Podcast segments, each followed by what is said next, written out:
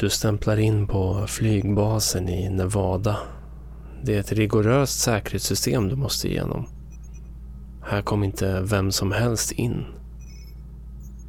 Efter du kommit igenom alla säkerhetskontroller hälsar du på din närmsta kollega, Bob. Ni har fullt upp med att undersöka ett av de nio utomjordliga skepp ni har i er ägo. Och ert mål för dagen är att komma fram till hur fan ni ska kunna replikera skeppets förmåga att generera antigravitation. Skeppets reaktor drivs tydligen av antimateria. Fan, antigravitation, antimateria. Det, det är knappt så du vet vad orden betyder. Bob har alltid varit en smart av er. Hur hamnar du ens här? Det vet du knappt själv heller. Smart men extremt svår att umgås med. Så skulle du beskriva Bob. Enerverande. De senaste dagarna har han bara tjatat och tjatat och tjatat om det här jävla grundämnet. Ununpentium eller Moskovium eller vad det kallas. Det ska tydligen vara en del av det som drev skeppet. Ja, ja Bob. Du bryr dig inte nämnvärt. Det här är bara ett jobb. Men för Bob verkar det vara en livsstil. Han drar dessutom skämt hela tiden och hans skratt. Oh.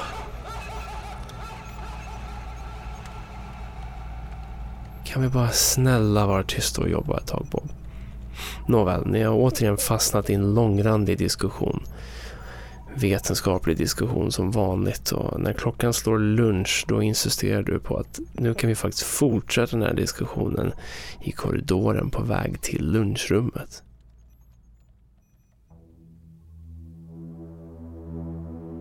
Bob ger med sig men fortsätter babbla något så oerhört. Ni promenerar ner för korridoren när du och Bob ser något genom en dörröppning. Det är några män i vita rockar som fångar er uppmärksamhet. Männen i vitt står framåtböjda och pratar med någon. Ser ut att prata med en kort person, uppenbarligen. Eller? Ni dröjer er kvar, ni ser inte riktigt vem männen pratar med tills den ena mannen rör sig lite till höger. Då ser ni. En liten varelse med overkligt långa armar för kroppstypen. Du kan inte hålla dig och släpper ut ett litet ljud. Männen vänder sig snabbt om och ni skyndar ner i korridoren. Du och Bob säger inte ett ord på resten av dagen. Dagen efter.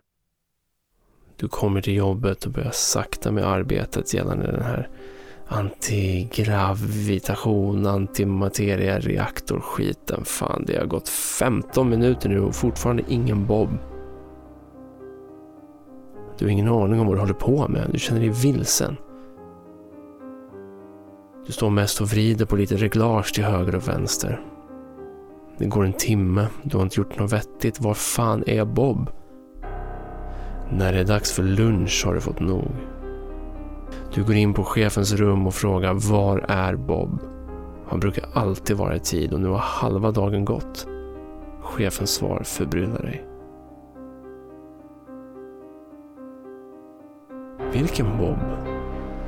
Det är ingen som heter Bob här. Konfunderad går du vidare till teamet som jobbat på stationen bredvid er och ofta brukar käka lunch med er. Samma där. Bob? Fan är Bob? Vem? Jag har aldrig träffat en Bob. Nej, nej, nej, nej, nej, nej. Försök inte. Försök. Nej, nej, nej. Stöter på samma reaktion från alla på arbetsplatsen. Du är inte klok på det här. Vad är det som händer? Du tar dig hem till slut och sätter på tvn när du ser Bob. The power source is an antimatter reactor. Um, they run gravity amplifiers. There's actually two parts to the drive mechanism. Did you knowingly lie when you said you had actually seen anti gravity propulsion in operation? No. You're talking about contact, physical, physical contact, and proof of from another another system, another planet, another intelligence. That's got to be the biggest event in history.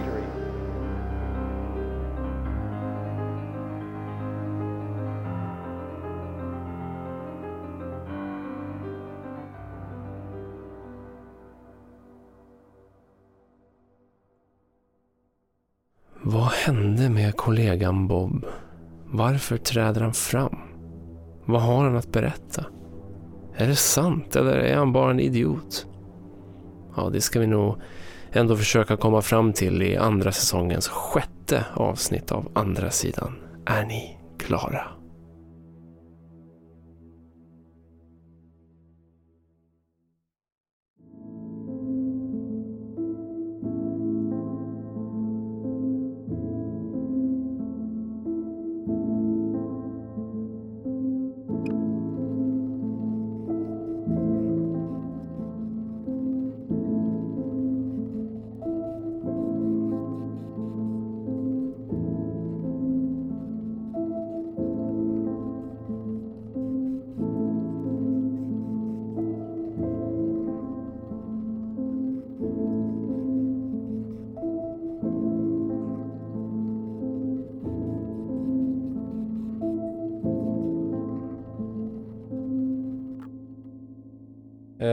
Ehm, ja, vad, vad, vad ska man säga?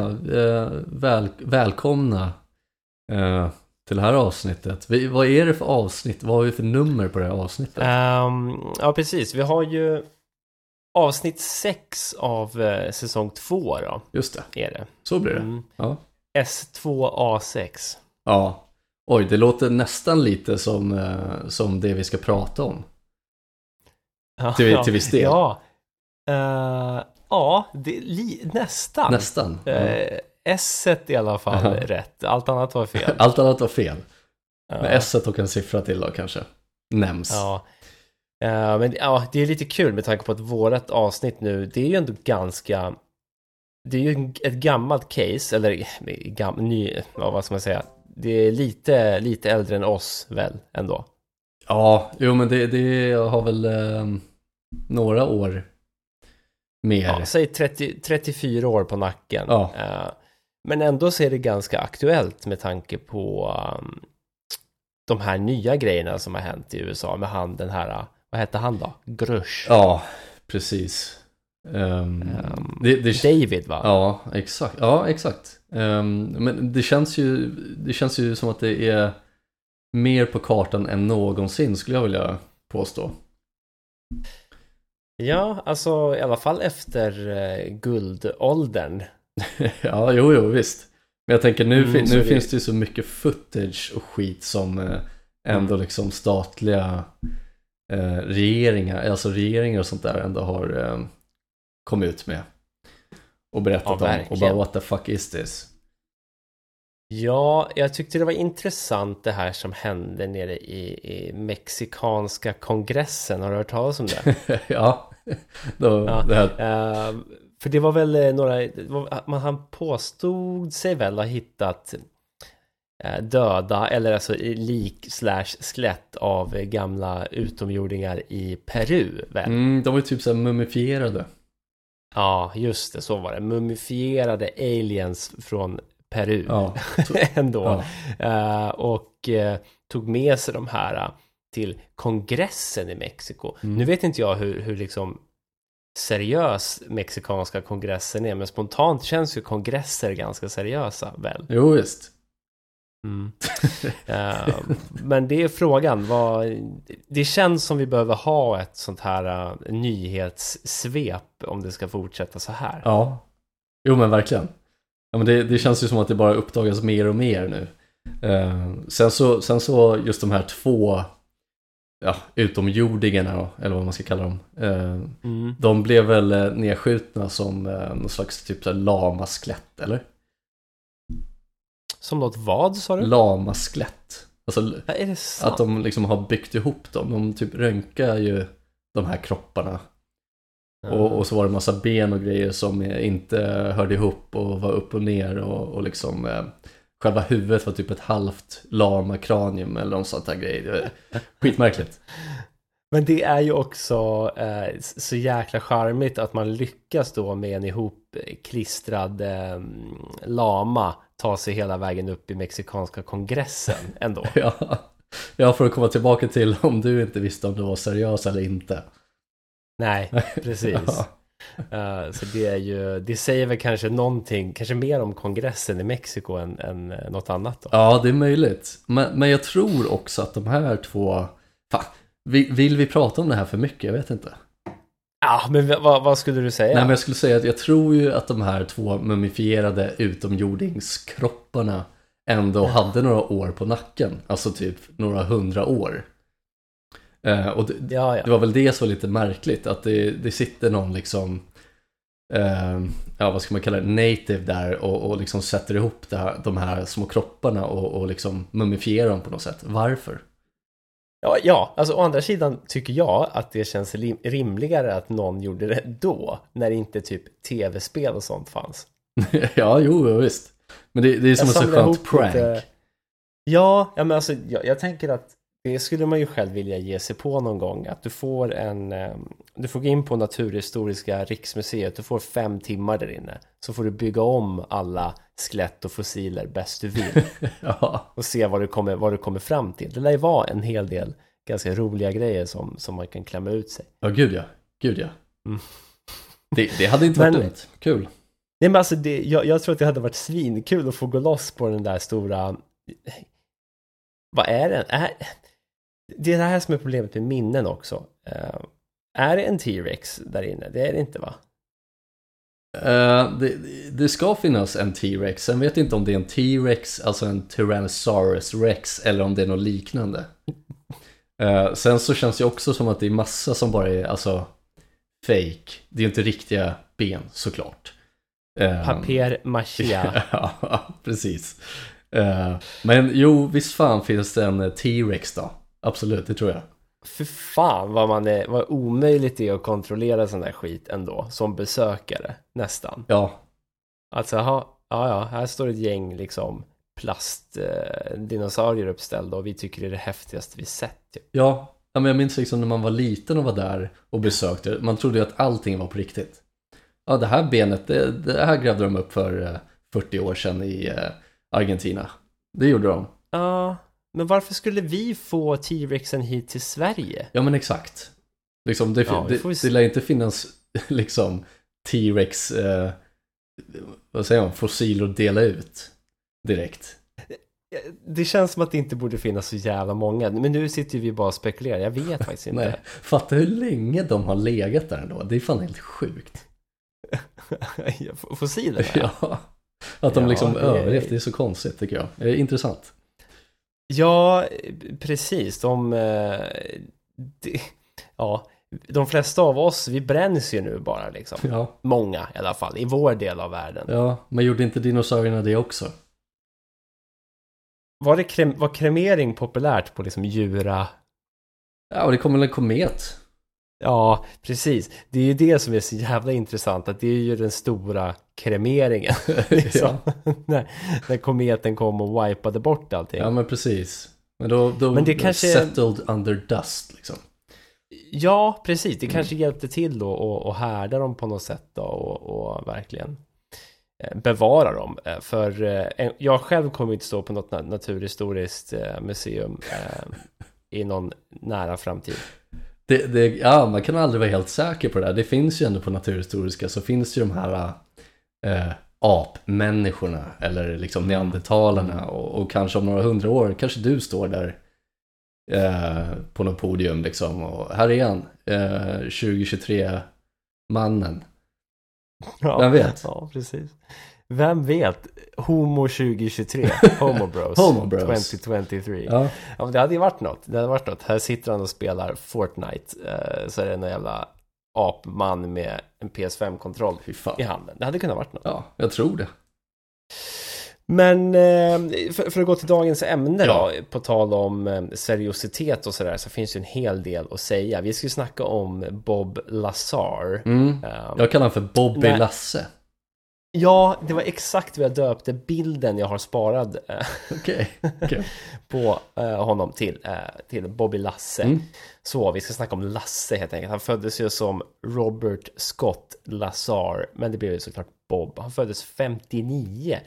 Ehm, så han har ju några år på nacken nu ju. Mm.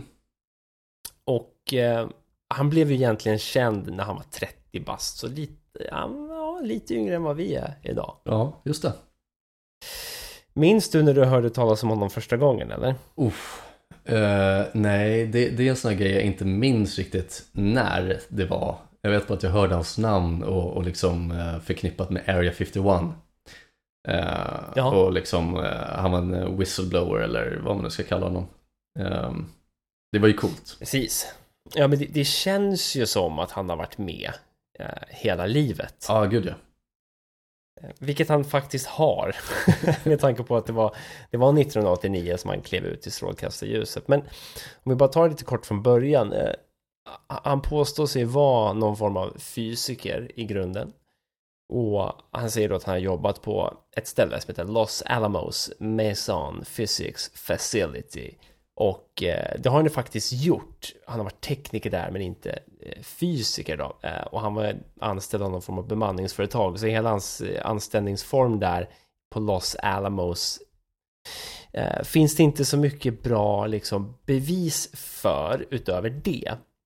Nej. För det han säger sen är ju att han, det stora, han är inte känd för att han har varit tekniker på ett litet physics facility i Los Alamos, utan det stora är ju att han påstår sig ha jobbat på en bas, tror jag det är, som heter S4. Mm. Och S4 är lite intressant, för det ligger ju där vid eller på Area 51, som är den här legendariska basen där USA påstås ha sina jävla aliens och eh, ufo. Och det är väl det som Grush säger i år också va? Han snackar väl också om Area 51? Ja. Eller? Ja, men det, det känns svårt att liksom inte nämna det när man pratar om de här ämnena liksom, på något sätt. Det känns ju som Mm. att det är liksom kärnan på något sätt. Ja, Ground Zero är det ju verkligen. Ja. Eh, Jag måste Och- bara flika in lite snabbt. Mm. Jag har ju alltid trott att Bob ehm, mm. har jobbat på Area 51 och det, det har han ju inte gjort. Men alltså, nej. Det ligger en det bit är så här- därifrån, det ligger i närheten Ja. bara. Ja, precis. Det är någon form av systerfacilitet. Ja, typ. det lärde jag mig för en vecka sedan. Same. När jag gjorde research till det här så fatt jaha okej. Eh, jag har alltid trott att han, för avsnittet skulle ju handla om Area 51 var ju tanken först. Precis. Eh, men det blir S4 istället och det är Ja. väl minst lika bra. Ja, kanske. Men han klev ut i lokal Los Angeles TV där förkortningen blir KLAS, vilket jag tyckte var kul. Mm, och, då var han ju anonym va, kallade sig för Dennis. precis. Och ehm, han säger att han jobbar på S4 och att den här S4-basen bestod av liksom flertalet dolda hangarer som var insprängda i bergen. Eh, So far so good. Varför går man ut och är anonym för? Jo, det är ju för att han sa då att han har jobbat med sån, sån här reverse engineering av hela nio stycken eh, flygande tefat då, helt enkelt. God. Mm. Och det hörde ni i eh, introt här som vi spelade upp att han sprang runt där med sina kollegor och höll på och jobba med reverse engineering helt enkelt. Och det var inte direkt några sovjetiska farkoster säger han utan det, det han sa var att de här var inte liksom från jorden. Nej, utomjordiga farkoster. Ja, verkligen. Coolt. Och jag menar, eh, det är ju häftigt det. Det var lite intressant med tanke på att det var ju nio olika rymdskepp då och eh, han hade liksom någon form av sportmodell och, och hit och dit och något eh, utav skeppen såg ut att vara gjorda av typ flytande titan. Liksom. Mm. Ja, för de såg inte likadana ut allihopa och det var lite så här olika Nej. modeller typ. Ja. Ja. Eh, Så, så han, han- säger också att han hade fått tag på dokument där som beskrev någon form av antigravitationsreaktor. Mm. Och antigravitationsgrejer ses väl generellt som liksom the holy grail, eller? Ja, alltså verkligen nu om, om vi ska prata om något helt annat. Men tänk typ, eh, det har varit mycket teorier om hur man byggde pyramiderna till exempel. Om man ska kunna Mm. lyfta stenarna med ljud och så vidare. Nu är inte det exakt samma grej, men typ Mm. samma grej. Nej men verkligen, och det skulle om inte annat möjliggöra sådana sjuka teknologiska framsteg om det hade funnits en antigravitationsreaktor. Mm. Verkligen. Men här ser ni i, i eh, ja, 1989 och senare samma år så väljer han att kliva fram då med namn och ansikte och blir då liksom superkänd. Mm. Vi kan ju återkomma till de här skeppen, men jag vill bara nämna en grej som jag tänker kan vara ganska kul att ha med sig. Att om man kollar den här perioden kring liksom 89 och innan egentligen så kom det ju ganska många rapporter om märkliga ljusfenomen över det här området. Mm. Mm. Eh, med rörelser som de videoklippen du nämnde tidigare som Pentagon har släppt. Liksom, där det är lite footage, farkoster som flyger runt på ett sätt som egentligen inte borde vara möjligt. Va? Nej, ja, men liksom, eh, ska man säga, vrider på sig, snurrar, eh, ändrar vinklar i hög hastighet. Det är märkligt liksom. Ja, eh, så det kan ju vara kul att ha med sig om man vill försöka bygga någon form av större bild av liksom, stämningen i USA på den tiden och i området kring Nevadaöknen. Liksom. Det är ju det är ett legendariskt ställe, du får ju inte komma in i närheten ens. Ju. Nej, Men det Bob påstår då när han kliver ut med namn och bild det är att det finns en speciell reaktor i de här skeppen som han kallar för antimateria-reaktor. Och antimateria kan inte jag så mycket om. Kan du mycket om antimateria? nej, Nej. Eh, så jag menar, det är alltså eh, om, om man snackar om vanlig materia mm. det är alltså vad vår eh, galax och liksom synliga universum är uppbyggt av. Antimateria är tydligen motsatsen till det. Eh, så då kan man försöka sitta och tänka, blunda lite och tänka på hur ser antimateria ut? ja. Ja, det vet inte jag heller. En jävla svår, svår fråga, eller svårt att föreställa sig vad det skulle se ut som. Ja, det är en sån där grej som man kan ligga och tänka på när man tänker att åh shit, jag är så trött, jag måste sova och då blir det att hjärnan sätter igång och försöker föreställa sig hur antimateria ser ut. Ja, verkligen. Ja. Och det, och det finns ju då alltid, för det sägs ju då att för varje partikel Mm. finns en antipartikel. Åh jävlar. Vilket jag tycker är härligt. Alltså, i grund och botten är det bara, finns det en, en, en neutron så finns det en antineutron.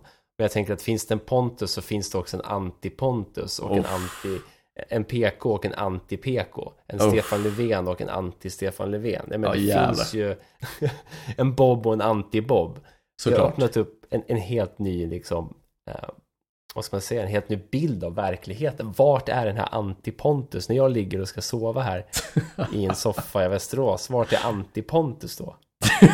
ja. Ja, ja men precis. Fan vilken svindlande tanke då. ja, så den kan ni ju ta med er och undra vart ett anti-jag finns. Liksom. Ja, ja.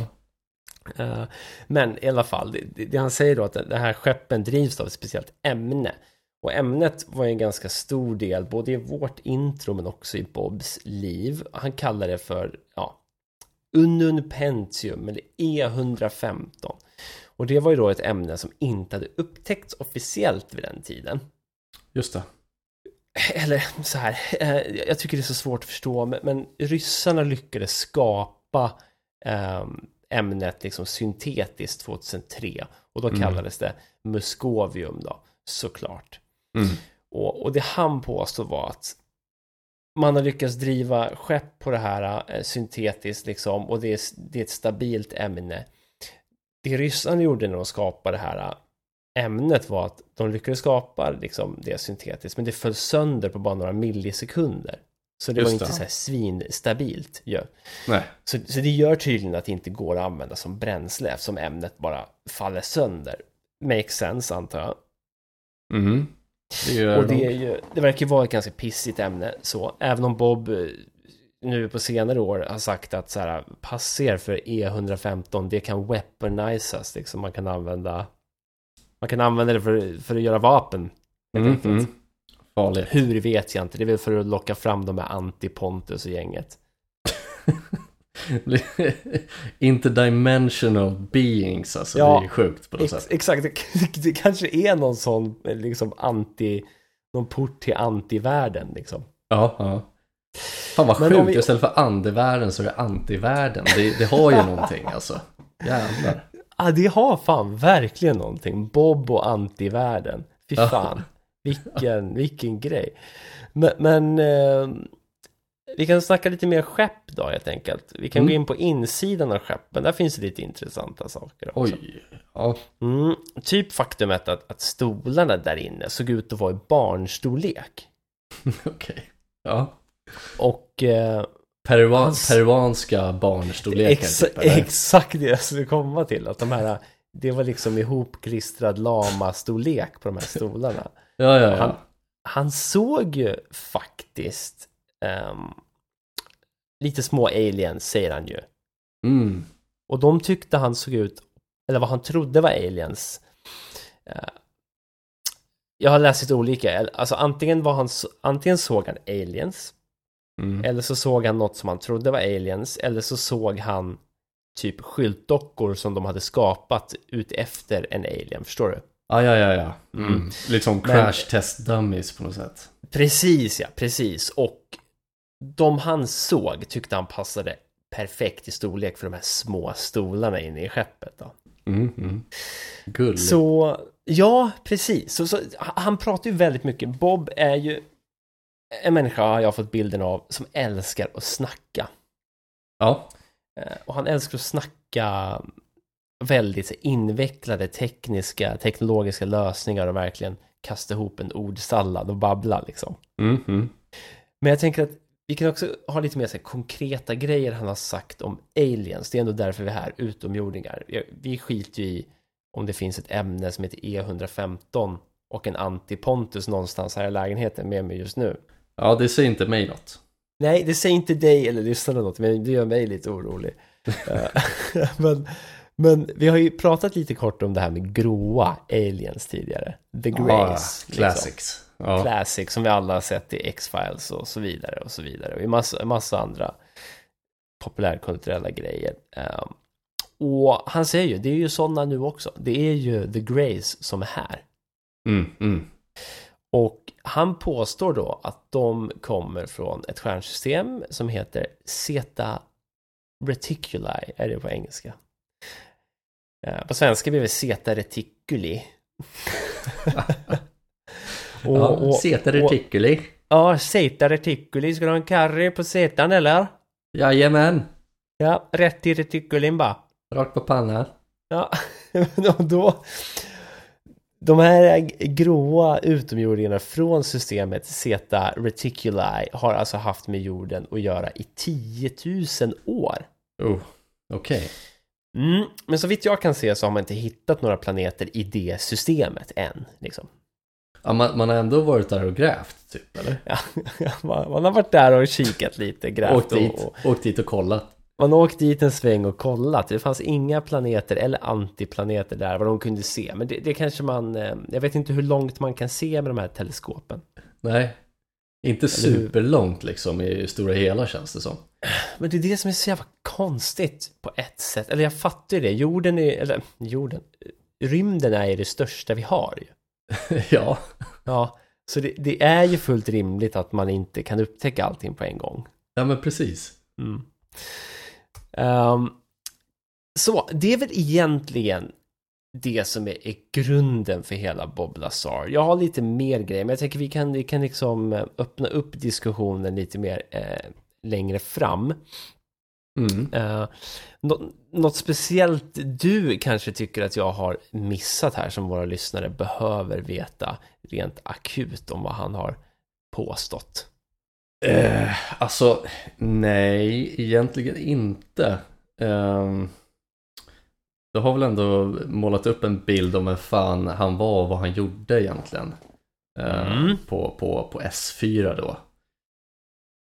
Eh, Och det är väl egentligen så här, det, här, det här är ju grundstoryn. Han, det här var ju han när han gick ut och sa allting. Han har ju pratat mycket på senare år och det tänker jag, det, det kommer vi ju till också. Men eh, vad, vad hände sen då? Vad har blivit följderna av det här? Du som har kikat lite på det. Har det hänt någonting eller är det ganska dött liksom? Ja, alltså det, det har inte hänt så jävla mycket egentligen om man ska vara helt ärlig. Det, det har ju hänt en hel del. Han har ju pratat mycket som du säger eh, och, och, och så vidare. Men, men jag tänkte om jag, om jag återgår till, eh, till den här första intervjun han hade då med, med Klas. Mm. Eh, den här tv-stationen då, eller vad ska man säga? Ja. KLAS, Ja, exakt så. The Dust. Mm. Ehm, eh, och då har jag liksom fått fram två olika datum när han skulle ha varit med. Antingen 15 eller 24 maj 1989. Eh, så jag tänker, man får väl klunsa om vilken det är egentligen. Vet, du vad det, vet du vad det är? Det är ett, ett datum och ett antidatum.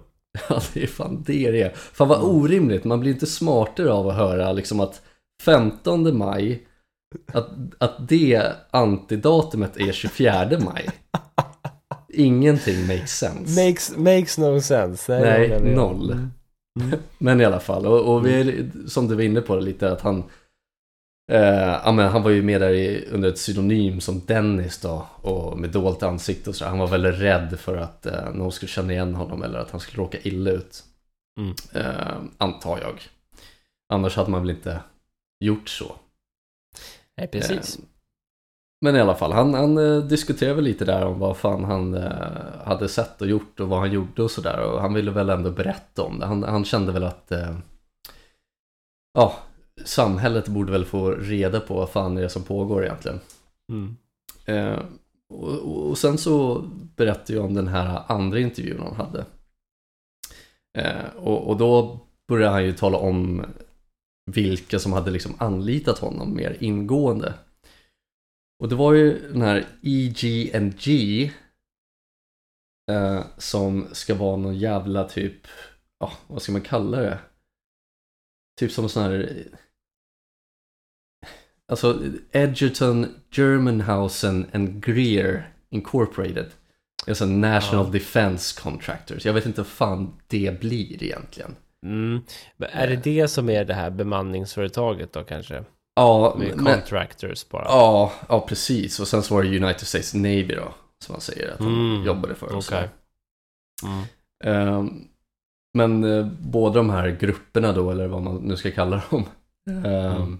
har ju förnekat att han eh, har ens har funnits på deras payslip. Ehm, han har aldrig jobbat för dem tydligen. Nej, precis. och, så, så det gäller ju hela hans historia. I stort sett, ja. Mm. Han, han är blivit wipad liksom. Ehm, Påstår han i alla fall. Påstår han ja, precis. Mm. För han, han har också sagt, han har ju, han har ju pluggat på MIT Mm. um, enligt, enligt, enligt egen utsago då. Mm. Eh, för det går ju inte att hitta längre. Men MIT, vilket är det? Det är... eh, Massachusetts. Ja, fan du löste det ändå. Jag gjorde det, jag är fan Ja. lite nöjd. Proud of my bro. Thanks. Ja. Eh, försökte du sätta dit mig där eller? Nej, jag hade faktiskt helt glömt bort vad det var. Okej, men det var ju ja. sjukt att det var just Massachusetts. Det, det återkommer alltid i våra avsnitt, just eh, MIT och Massachusetts. Ja det gör ju det. Jag, Mm. jag kommer inte eh, säga det igen med Nej. risk för att jag kommer säga fel. Helt rätt. Jag är nöjd så. Mm. Eh, nej men där har han ju pluggat också och eh, ja, en, enligt eh, honom då så har de bara raderat honom ur systemet liksom. Han, han, har, inte, Mm. han, har aldrig, han har aldrig funnits där, han har inte pluggat där. Han har inte gjort någonting egentligen, han har liksom ingen examen, ingenting. Eh, det, är, det, är- det är så sjukt att bara försvinna sådär om det nu skulle vara så liksom Ja sant. det, ja men verkligen, för, för det är ju, jag tänker på det, det var ju det jag valde att fokusera på i vårt intro här också. Mm, Att, mm. att eh, jag tänker mig hur det var på arbetsplatsen. Allt är ju såklart uppdiktat i introt ju. Men hur det skulle vara på arbetsplatsen om han nu hade varit på S4. Ja, Och du kommer dit och bara, fan såg ni Bob på tv igår eller? Så bara, "Äh, vilken Bob? ja precis. Ingen aning vem det är, han finns ju inte liksom. What Bob? Mm. Mm. Eh, nej men precis, och, och, och liksom i den här andra, eh, det var ju den här andra intervjun då som han började Mm. Eh, och det var ju då han påstod att eh, amerikanska regeringen hade liksom fört ett dolt krig mot honom. Eh, och att eh, de bland annat ska ha skjutit sönder hans bildäck. Typ. Ja. Det är tufft ju. ja men det, det är jobbigt när sånt händer. Eh, men det är också bara sköt sönder ett bildäck. Eh, bara okej, sure, fine. Gör det då. Mhm. Eh, men, men sen efter det, som, som du också var inne på, han fick ju jävla... Han blev ju lite så här småkändis efter det där. Det är, det är ju väldigt många konspirationsteoretiker där ute och speciellt liksom när det gäller, eller kommer till ufon och aliens och allt vad det har att göra med. Eh, så när han eh, kom ut i den här intervjun så fick han ju en jävla massa liksom följare åt båda hållen i stort sett. Det, det var ju många som trodde på honom och eh, sen var det också folk som eh, ja, sköt ner honom som ett jävla freak eller liksom, han bara ljuger. Det, det kan ju inte ske liksom, så här, så här jävla dumma kan vi inte vara. Mm. Ehm, och, och liksom, sen efter den här andra intervjun så var det ju ganska liksom tyst från eh, Bob, Lasse. Ehm, eh, han verkade återgå till ett vanligt liv helt enkelt. Han startade ett eh, eget företag dock. Ja, Eh, precis. mm. Precis. Det är ju intressant ju. Ja, precis.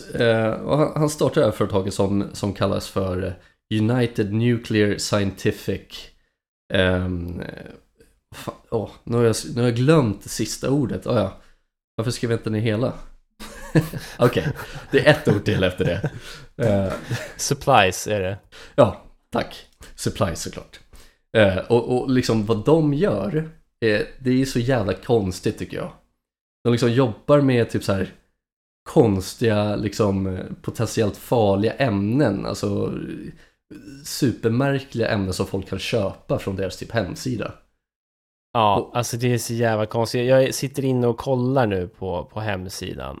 Mm, Och, och, och du kan ju köpa Det är liksom en jävla massa ämnen Vissa ämnen som, som är självlysande ja, Och lite så här um, Uraniumacetat Vad det nu är ja. För 39 dollar Alltså det är ju Men jag förstår inte vilka det är som ska köpa. Jag förstår inte vad, liksom, vad är det för marknad. Men det, ja, det är väl forskare som köper sånt. Jag har ingen aning. Men du kan köpa en eh, kaffekopp Ja, det Med den här, det här eh, rymdskeppet Som ser ut som den här sportvarianten av rymdskeppet Som, har, som Bob har ritat på där Ah, Okej, det var sportvarianten alltså. Ja Mm. Sport Model Mug. Alltså, Ja, det nice. är ju... Ja, det, här, ja, det är ett intressant jävla företag. Deras hemsida ser ut som att den är gjord eh, liksom sent 90-tal kanske. Ja, och loggan ser ut att vara gjord i Paint typ. Ja, Eller varit med i Duke. Duke Nukem-spelet. Ja. Kanske.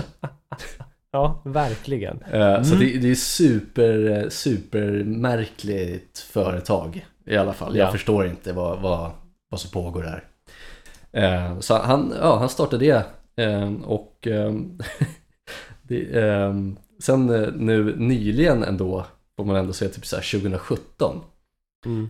eh, så var det här företaget med om en räd som, eh, som hölls av FBI. Eh, och eh, då eh, Bobs egna teori då är ju att de letade efter den här påstådda substansen då som du Mm. har berättat om den här E115. Mm.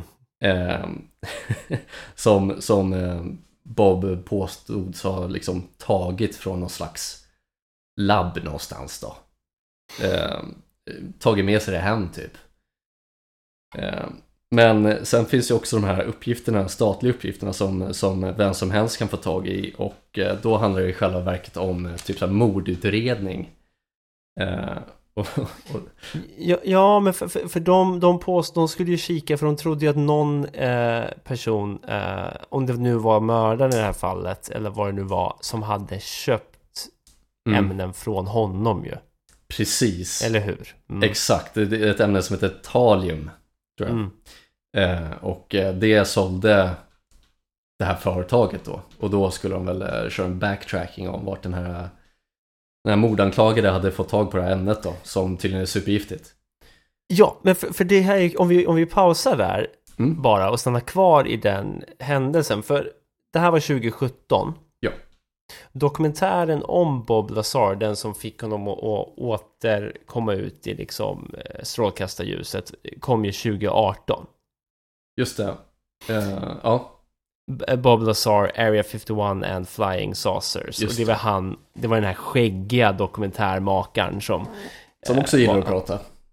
Ja, som verkligen gillar att prata. För det, det Bob och Skäggmannen gjorde var att de åkte ut på den här stora mediaturnén ju. Det blev ju en Mm. stor mediavända. Och då var de med oss alla talkshow-hosts. Ja, Och snackade om just den här raiden. Då Mm. Bob sitter och säger jag är en jagad man. FBI raidar mig en gång i veckan typ. Du vet. Ja, ja, Att de trodde att jag, de trodde att jag hade stått med mig Ele- Element eh, 115 liksom. mm. Eh, och eh, de påstår sig vara avlyssnade och han och skäggsnubben har ju världens, eh, det är en ganska fin bromance på något sätt, men att de verkligen är, är jag, upplever sig vara jagade män. Ja men precis. Mm. Eh, Jeremy Kenyon Locklear Ah, okej. Corbell Mm, heter Mm. skäggsnubben där i alla fall. just det, just det. Långt namn. Ja. Eh, Corbell är en mixed media-konstnär. Okej. Mm. Ja, okej, coolt. Allt möjligt. Eh, ja men precis, så att, så att det, var liksom, det var liksom förklaringen till varför eh, de blev utsatta för den här raiden då. Mm. Att eh, det var, det var en ja, mordutredning helt enkelt. Men, men Bob var aldrig ur, eh, under utredning då för det här mordet då. Det var bara företaget som hade sålt eh, Just det. det här ämnet.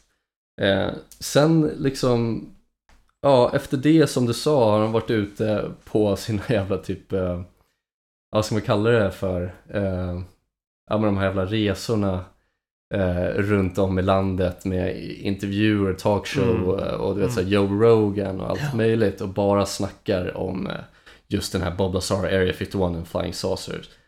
Eh, bland annat. Eh, och, och sen så har det ju inte varit så jävla mycket mer eh, efter det. Eh, nu på senare tid så, så har jag liksom gått in på hans Instagram till exempel och, och, och kikat och så här. Han, han lever ju sitt jävla han lever ju så här superliv typ och reser omkring med sin fru och, och, på eh, vad heter det? Cosplay höll jag på att säga. ja, det hade ju varit något. Ja, eh, vad heter det? När man åker omkring på... Vad fan heter det? Säg att man är en cosplayer så åker man till Kista Forum typ. Ja, ja, man åker på olika conventions, Conventions. som Comic Con och, Ja, ja, och sånt där. där. Mm. Ja, men sen så har han också försökt undvika det där. Så, men ja, jag, jag Fan, har han inte ser- kunnat hitta så jävla mycket mer. Nej, men han ser inte ut att ha det dumt alls alltså. Jag är Nej. och kikar nu också eh, på den. Ja. Han, han verkar, verkar ha det ganska trevligt ju. Ja, men ser superglad ut hela tiden och det, jag tycker inte han ser ut att vara jagad överhuvudtaget på något sätt. Det, ehm, det säger ju någonting att man kan eh, bli så glad och bekymmersfri av att påstå sig liksom avslöja massa, typ det hemligaste i hela världen. Mm. Det tycker jag är intressant. Ja, alltså det, det känns ju som, hade man själv sagt det så hade, så hade eh, liksom, man hade ju försvunnit lite på något sätt. Man hade inte Säkert. velat vara i rampljuset. Nej. Men han verkar ju må Ja. väldigt bra. Ja, han verkar, han verkar tycka om det där. Jag, jag, jag tänkte på, det fanns en intressant grej som jag såg. Ehm, min favorit meme eh, någonsin på Facebook, eller min favorit meme var ju, eh, jag minns inte om det var Black 2019. memes for Asian teens.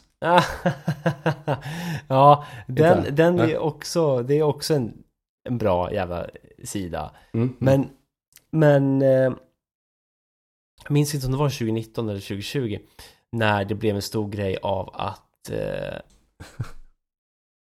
en miljon människor skulle storma Area 51, kommer du ihåg det? ja. Den eran. Ja, jag var med. Ja, jag med. Alltså, me and the bros when we storm Area 51. Så tanken var ju då att det var liksom över en miljon människor skulle samlas liksom Nevada-öknen och skulle sp- Naruto springa mot Area 51 och då They can't stop us all boys. Det var liksom det som var grejen. Det fanns ett datum och tid för det där. Ja, gud. Eh, och eh, ja, alla normalbegåvade människor förstod ju att eh, ja, det är klart det är ett skämt ju. Men eh, Bob gick ändå ut och, och varnade Ja, jo, det gjorde han. och sa att det finns inga aliens här på Area 51. Ja, Utan det enda stället som har liksom huserat aliens och alien-teknologi det var på S4 och den ligger som bekant liksom strax eh, söder om, om eh, stora Area 51 då. mm. Så det han sa var att jag stödjer inte den här rörelsen. nej, nej. Fattar Ja, man ju ändå. Rädda sitt skinn lite grann där. Ja, herregud. Men alltså det, om den Naruto-springet med en miljon människor. Jag undrar vad de hade gjort. Ja, men det- det är ju rimligtvis så kan de ju inte stoppa alla. Men, men, Eller? men ja, precis, eller visst. Ja, men men ja. sen när man kommer fram, ja men då då? Alltså sen då? Har du nyckel in till liksom källarförrådet eller liksom? Precis, vad hände sen? Det, Precis, det eller- känns som att man inte kommer in där så jävla lätt oavsett om man kommer liksom in på området eller inte. Nej, det hade, det hade varit a sight for the ages alltså om det hade utspelat sig. Verkligen. Ja, jag hade älskat om det hade hänt. Ja. Ja. Bara kommer en jävla psykfall och bara kuta liksom. Det var så jävla roligt. Men, eh, återigen kommer vi in på det här med pengar och så. Ja. Han har ju släppt en självbiografi och det var Precis. det jag tänkte här i slutet. Eh, det sista jag hade om Bob i alla fall, den heter ju Dreamland. Mm. Eh, den, är, den jag inte läst faktiskt. Nej, inte heller. Så fuck off till den. Men vad, vad tänker vi då? Vad har vi, vad har du, när, nu när du har kollat igenom lite Bob och vad som hände och sådär. Vad, vad tänker du kring allt det här? Ja, alltså. Om, om vi pratar eh, om, om man är på riktigt eller inte. Mm, Ja, det kan vi, kan vi ta. Mm. Ja, nej men. Dels så känns det ju som en jävla risk att ta. Att komma ut och börja snacka om det här. Eh, från första början av första liksom, intervjun där, 89. Mm. Känns som en jävla risktagen och bara typ så, jo men det finns eh, eh, liksom sportfarkoster och, och liksom flytande titaniumfarkoster och, och liksom allt möjligt sådana här finns. Jag kan Mm. ha sett några aliens som ligger där, jag vet inte. Eh, Mm. men jag har jobbat med eh, reverse engineering eh, med de här farkosterna för att kunna komma fram till något eget då, eller något liknande som vi kan göra. Mm. Eh, och, och liksom om det stämmer så är det en sån jävla risk att ta. Ja. Och det har jag alltid tänkt så här, om han talar sanning, varför har han inte blivit skjuten än? Typ. Alltså, varför var det ingen som bara tog död på honom direkt? Mm. Eller så är det så att, ja ja, men nej men han snackar ju bara skit, vi har ju inget att, vi har inget att säga till om. Han, han är ju, han är ju en riktig ljugare som bara ljuger. Vi behöver inte ta död på honom, han, vi har ju inte en jävla farkoster här. Det spelar ingen roll vad han säger. Nej. Och därför kan han eh, leva vidare då med sina bok eh, eh, revenues och skit. Ja, alltså det finns ju också en så klassisk grej som folk gör i, i diktaturer är att man, eh, diktaturer som vill framstå som demokratier, det är ju att de gärna har en kontrollerad opposition, liksom en, en, en motståndare som de själva tycker är, det är okej att den där jäveln är ute och klagar på oss. Liksom. mm. Men de som faktiskt skulle kunna göra skillnad här, de ser vi till att ta död på direkt. Liksom. Ja, mm. Eh, och jag tänker mig att så här, skulle det vara så att han pratar sanning men att, att Bob Lazar eh, som person bedöms vara så jävla harmlös och att the cat's out of the bag så kan de ju bara låta han hållas kanske. Ja, ja precis. Ja men exakt. Men sen, sen är det väl också liksom av, av de liksom ehm, det han har berättat om har väl i stort sett nästan liksom eh, varit överens oavsett om det var 30 år sedan eller igår. Mm. Jag har för mig att det var någonting han hade ändrat på. ehm, sen så skyller han ganska mycket på sitt dåliga minne. Det, det gör han ju och han Ja. gjorde ju någon så, något sånt här lögndetektortest eh, förut också väl och det är väl, det är väl vad det är eller? Mm, mm, ja men exakt. Eh, och, som sagt, vi har ju pratat om den här lögndetektortesten förut. Är det Mm. hundraprocentigt eller inte? Mm, Kan man lita precis. på dem? Mm. Antagligen inte. Nej, kan väl inte det. Ehm, intressant bara att, eh, att eh, på 90-talet blev han ju också gripen för att ha varit med eller att ha hjälpt kan man säga en sån här prostitutionsring. Ja, precis. Det, det är ju också någonting att ha med sig, eller? Ja, det och att han typ smugglade radioaktiva ämnen över landsgränsen med sin fru. Det är också en jävla stökig grej alltså. Ja, alltså det, det, det säger någonting om karaktären. Sen förstår man ju också att så här, när, när man som Bob Lazar har tagit den här positionen så kan ju Lasse då alltid ha försvaret att jo, jo, men de vill bara sätta dit mig. Det är världens enklaste hörn att sätta sig i. Ja, ja verkligen. Jag skulle, kunna, jag skulle kunna ta den stansen till allt imorgon. Att säga, säga att jag får, får sparken från jobbet om någon månad. Kan jag säga, ja men det är för att jag var någonting på spåren liksom. Ja, Jätteenkelt. ja gud Jätte, ja. jätteenkelt. Det enklaste sättet att bara skylla ifrån sig på allting. Ja, syndabocken. Det är jag. Ja, precis. Det är jag liksom. Och det jag tycker har varit så intressant nu när jag läst om Bob är ju att han dyker upp liksom högst upp på alla listor om så kända UFO hoaxes. Mm. Det är ju verkligen, han är ju ansedd att vara en jävla bluff generellt. Ja, ja men precis. Men det, det måste väl ha att göra med också liksom, det finns ju inga bevis. Vi, vi kan ju bara gå efter vad han har berättat. Sen bara, ja, och sen då liksom. Alltså, det är ju svårt att lita på det han säger när man inte har konkreta bevis, såklart. Som med allt annat. Men Ja, men verkligen. jag, jag tycker det är lite kul också, eh, för att gå tillbaka till det här ämnet då, E115 som, eh, som man kallar det för. Ehm, Och, och, och som, som du sa, att man har kunnat liksom framställa de här ryssarna som framställde 2003 där. Ja, Ehm, Men han påstår ju liksom att det där är liksom renaste formen som inte finns i våran galax. Och när det finns Ja, någon ren form liksom någonstans i, i någon annan galax, där finns det liksom, nu snackar vi the real deal, det, liksom, det kan överleva ett tag Mm. liksom. Det går inte sönder av sig självt sådär. Ehm, och, och liksom det, det känns ju också som en sån jävla grej att säga bara när de väl har liksom kommit fram till ja men nu har vi skapat det här, oj det gick sönder efter hundradels sekund. Mm. Ja, ja, ja, jo men det, det är ju för att vi inte har det här naturligt. Eh, Det måste åka några tusen eh, ljusår bort ja. eh, för att få det och då, då är det lugnt. Då är det stabilt liksom. Man säger, ja okej. Men det, är- ja ja visst, ja ja. Hur, vem köper det då? Men, men precis, och det går ju inte heller riktigt att säga emot sådana argument. Det är det som blir problemet i alla våra eh, konspirationslutande eh, lutande, liksom, avsnitt. Mm. Att så här, den här konspirationsteoretikern eller whistleblowern på... Det finns ju alltid ett, en anledning till att försöka tysta dem. Så är det. Eh, enligt dem själva då. Mm. Och, och eh, sen så faller jag jämt tillbaka på det här, precis som med Travis Walton, du vet den här ofrivilliga stunden i rampljuset som de Ja. ändå är i hela tiden. Och oj, oj, oj, nu kommer en dokumentär, nu kommer massa böcker, nu ska vi göra en film av det här, du vet. Ja, Det, det är sälja rättigheterna och hit och dit. Det är sådana sjuka mängder pengar också Mm. som gör att, att det blir så orent i slutändan, vilket också så här, det fläcker ju ner hela historien på något sätt. Det, det är osympatiskt liksom.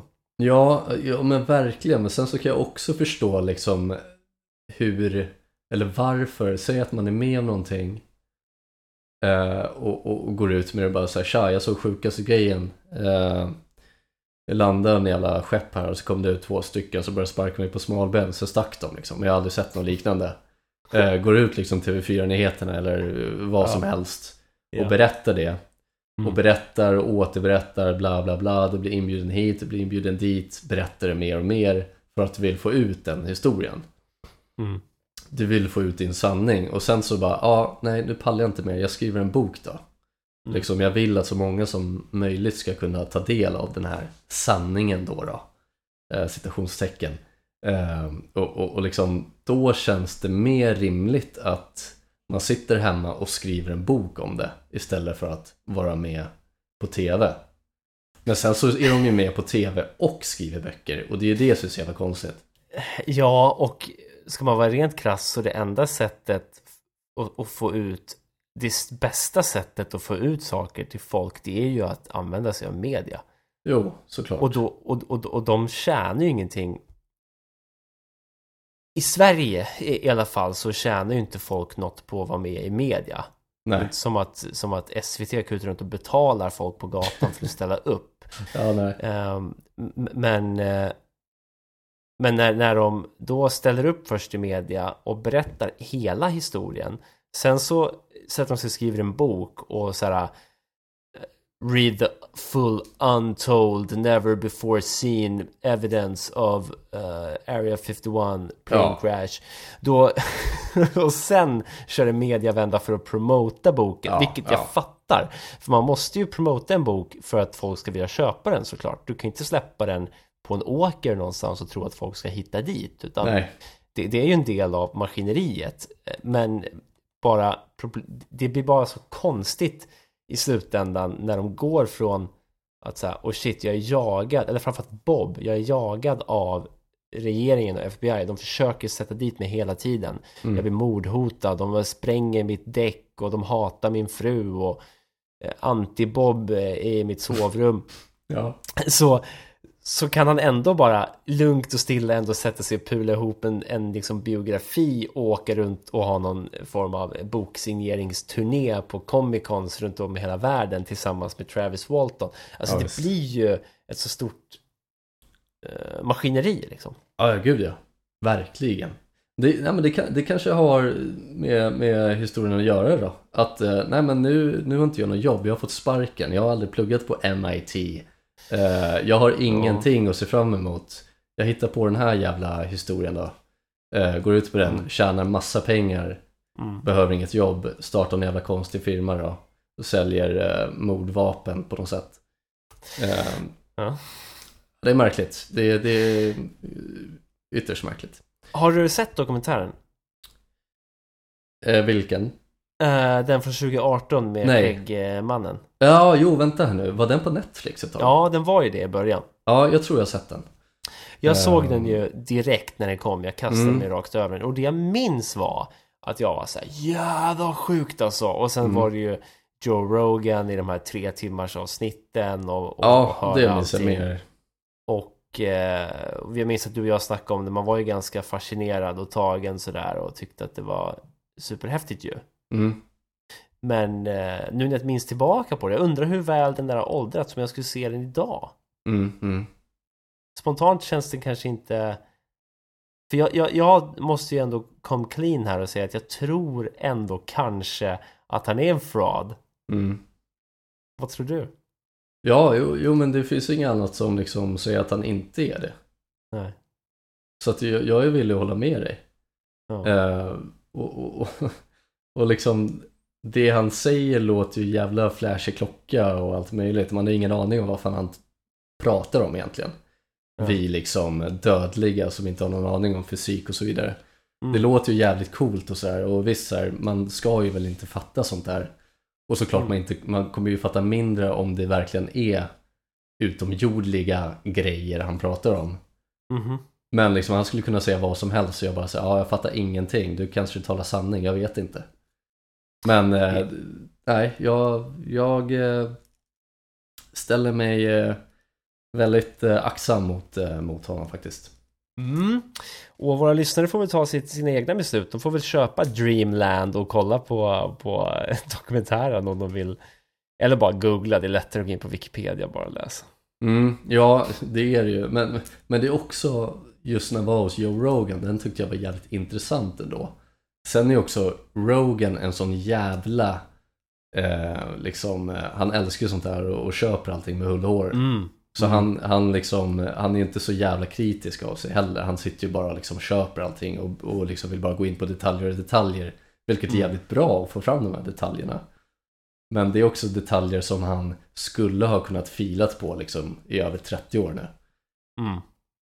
Det blir bara liksom mer och mer köpvänligt om vi säger så. Mm, verkligen, verkligen. Men det, som sagt, Joe Rogan-intervjun är ju ganska, är, är ju rolig och, och, intressant för att, just för att den är så pass okritisk ju. Ja, Eh, Men det hade precis. varit kul att ha en snorkritisk intervju också. Men det, det vet inte fasen om han skulle ställa upp på riktigt så, eller? nej. Jag vet inte hur kritiskt det har varit i, i amerikansk media. Nej, nej men precis. Det känns ju som att där då kändes det inte så jävla kritiskt liksom. Nej, nej. Nu kanske. Vem vet? Jag vet inte fan hur det var på Klas way back when liksom. Nej, nej precis. Um, ja, men vad fan, vi, vi kanske ändå lyckades med ett avsnitt om Bob, eller vad säger vi? Har vi någonting mer vi vill tillägga här i slutet, eller eh, känner vi oss klara så? Nej, men alltså jag, jag känner mig väl... Jag, fan, någonting jag tänkte på som vi inte tog upp riktigt var ju hur, hur eh, Lasse eh, talade om hur de här skeppen flög. Ja, mm, ja, det, men, tyckte, eh, det tyckte jag var lite intressant, bara en snabb eh, inflik Ja, här fan, ju. kör. Att, eh, ja men säg att det, det är ju som ett flygande tefat då. Alltså den här Mm. bilden då som han ritade upp som finns att googla fram, eller vi kanske lägger ut den. Mm. Eh, och, och då påstår han ju att liksom botten var ju fram på skeppet typ. Att den Mm. liksom flög med, ja men som man kallar för magen framåt. Och kunde liksom Ja. ändra och, och byta vinklar och grejer. Och det, och det berättade jag för flera år sedan innan de här klippen på de här konstiga skeppen som eh, stridspiloter har filmat som gör de här konstiga rörelserna i luften som är supermärkliga att kolla på. Mm. Och det, det kan jag köpa och bara säga, ah, okej, det är lite, det är lite konstigt. För det är, det är ju som han berättar att de här eh, farkosterna flög, där man tror att de flyger som på ett klassiskt sätt, liksom. Eh, ja, som ett flyg, flygande tefat flyger, men de flyger på märkliga sätt. Och det är det man Ja, ser men- på videorna. Det tyckte Ja, jag var precis. intressant bara.